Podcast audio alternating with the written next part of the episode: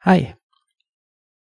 Nå skal dere få høre prekenen som var sist søndag, 24. mai. Det var sikkert mange som ikke fikk med seg den, for det var bare plass til 50 stykker i kirka den dagen. Så her kommer et nytt eh, opptak av den. Og så kommer det noen spørsmål til samtale for dere som er i smågrupper. Det har vært en merkelig tid nå. En tid som jeg håper vi kan få noe godt ut av, egentlig. At vi har lært noe om verdien av tid sammen. Noe som gjør at vi i enda større grad kan være glade og takknemlige og sette pris på tiden vi får sammen. Jeg skal trekke noen paralleller mellom tiden vi er i nå og tiden før den første pinsen. Selv om dette med karantene og begrensninger i samfunnet er noe vi opplever for første gang, så synes jeg det er interessant og litt morsomt at disiplene gjemte seg og isolerte seg omtrent på denne tiden for snart 2000 år siden. De var redde etter at Jesus var død. Og så møtte de han igjen, og fikk en god stund sammen med han før han reiste opp til himmelen. Men selv etter at Jesus var stått opp, så fikk de faktisk også begrenset bevegelsesfrihet. For Jesus, han ba dem unngå unødvendige fritidsreiser. Det står det om i starten av apostelgjerningene. Etter å ha lidd døden sto han levende framfor dem med mange klare bevis på at han levde, står det. I 40 dager viste han seg for dem og talte om det som hører Guds rike til. En dag han spiste sammen med dem, påla han dem dette. Dere skal ikke forlate Jerusalem, men vente på det som Far har lovet, det som dere har hørt av meg. For Johannes døpte med vann, men dere skal om noen dager bli døpt med Den hellige ånd. Så disiplene, de var i Jerusalem også etter påsken. De ventet. De reiste ikke på hytta, de reiste ikke ut av kommunen, ingen unødvendige fritidsreiser ut av Jerusalem. Oppgaven var å vente vente på Den hellige ånd. Nå venter vi på at livet skal gå tilbake til normalen, og vi er, som disiplene, midt i et mellomrom i livet. Mellom det kjente og det ukjente. Mellom det gamle og det nye. Og akkurat som dem så vet vi ikke egentlig helt hvordan framtiden blir. Vi vet ikke om alt går tilbake til sånn det var før, eller om mye blir annerledes. Dagen i dag er en sånn mellomromsdag i kirkeåret også, en dag mellom det kjente og det ukjente. I kirkeåret så heter søndagen i dag søndag før pinse, men egentlig kunne det like gjerne hett søndag mellom det kjente og det ukjente, eller mellomromssøndag. For dagen i dag er en sånn mellomromsdag, mellom Kristi himmelfart og pinse. Jesus hadde blitt borte for, fra disiplene for andre gang, og de ventet på Den hellige ånd. Men noe av det siste Jesus sa til disiplene sine for første gang han ble borte for dem, altså før han døde, var ikke vær redde. Jeg lar dere ikke bli igjen som foreldreløse barn.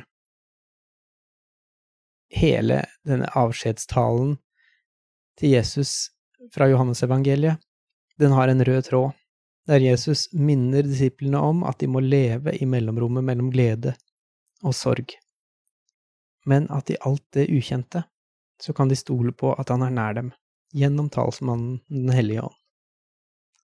Jesus bruker mye tid på å forberede vennene sine på at sånne mellomromsdager, de kommer til å komme. Nettopp fordi han vet at selv om de har fått troen i gave, så er den ofte ikke nok til å jage vekk all frykt. Jesus bruker tid på å snakke om å møte dette, fordi han vet at vi kommer til å ha kortere eller lengre tider i livene våre der det vi trodde vi hadde svar på, plutselig ikke lenger føles like sikkert. I dette mellomrommet mellom det ukjente og det kjente skal dere leve en stund, sier Jesus til disiplene sine, og til oss.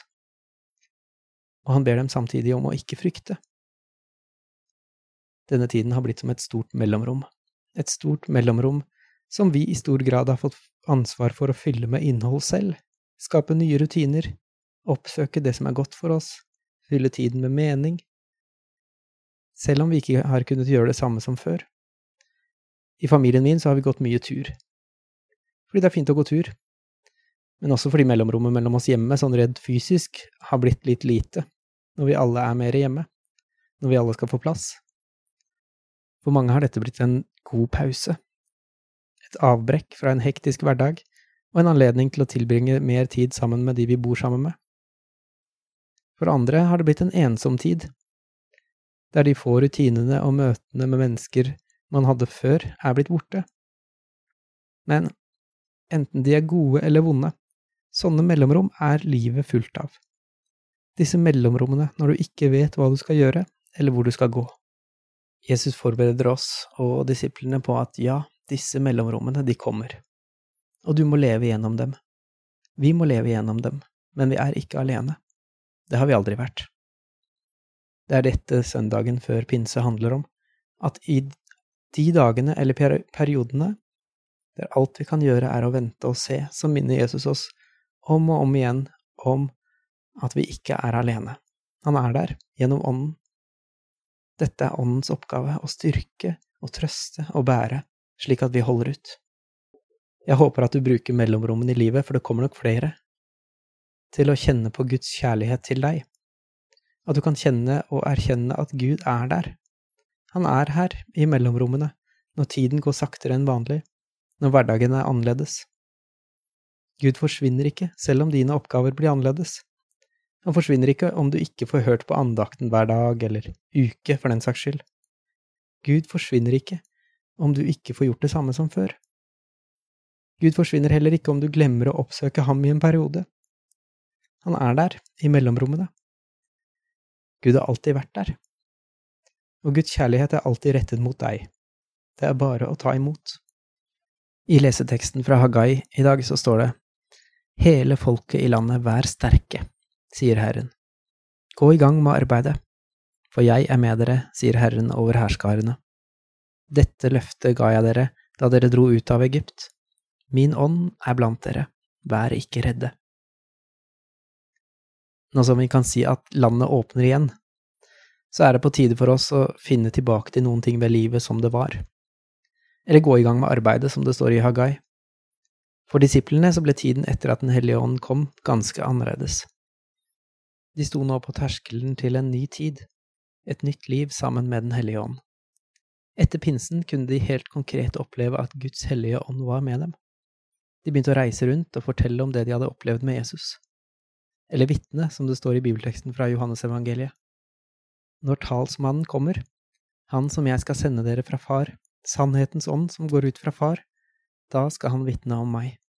Men også dere skal vitne, for dere har vært hos meg fra begynnelsen av, står det. Det står også i apostelgjerningene tidlig der at Jesus sa, som det siste han sa før han dro opp til himmelen, dere skal få kraft når Den hellige ånd kommer over dere, og dere skal være mine vitner i Jerusalem og hele Judea, i Samaria og helt til jordens ende. Men hva mener egentlig Jesus med dette med å vitne? Jeg tror det handler om å vise andre hvem Jesus er, gjennom både liv og lære. Det går ikke an å vitne om Jesus bare ved å fortelle kjernefortellingene i Bibelen, eller be folk lese bibeltekstene selv.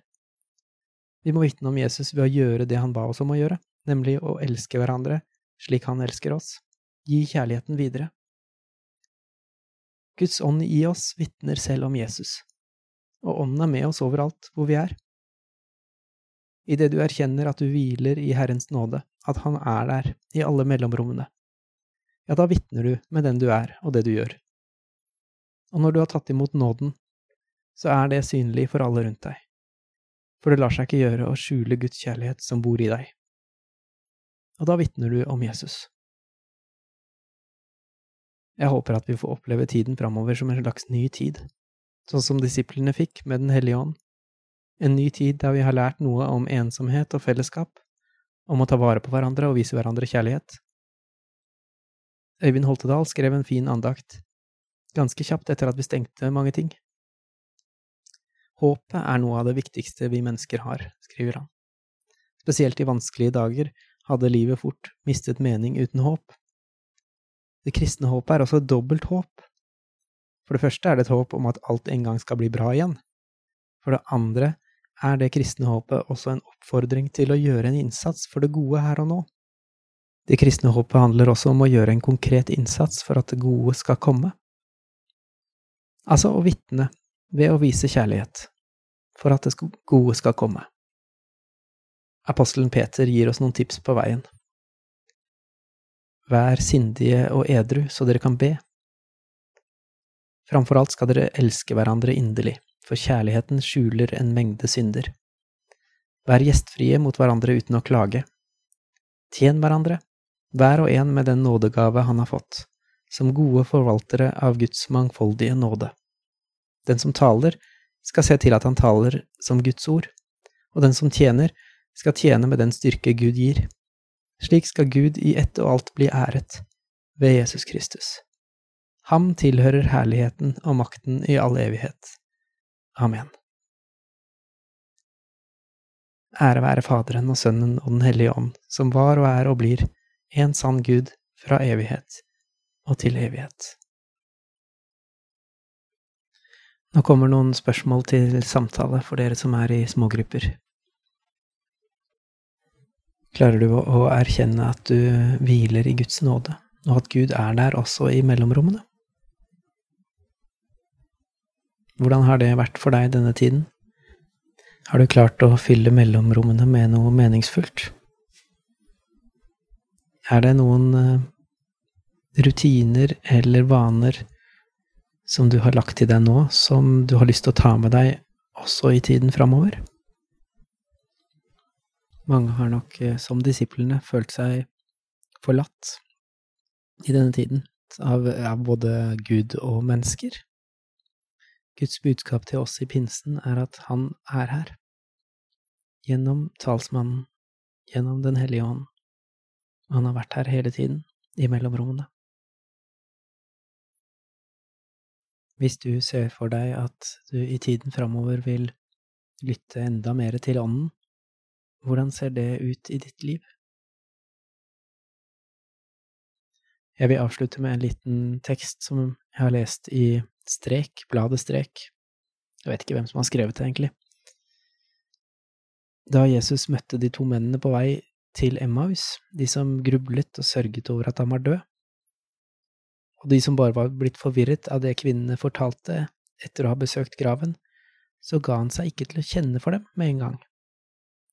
Han sa ikke ja, men her er jeg jo. Nei, han var med dem i en prosess av bearbeidelse der de gjennom samtale fikk nytt lys over velkjente ord i Skriften.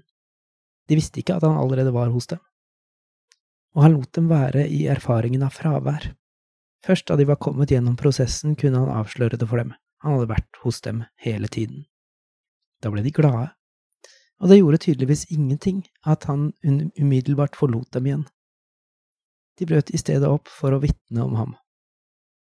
Det er hva som kommer ut av fraværet. Nå kan vi virkelig vitne om Jesu nærvær som en erfart virkelighet, selv om vi ikke lenger ser ham. Ta imot velsignelsen. Herren velsigne deg og bevare deg. Herren la sitt ansikt lyse over deg og være deg nådig. Herren løfte sitt åsyn på deg og gi deg fred.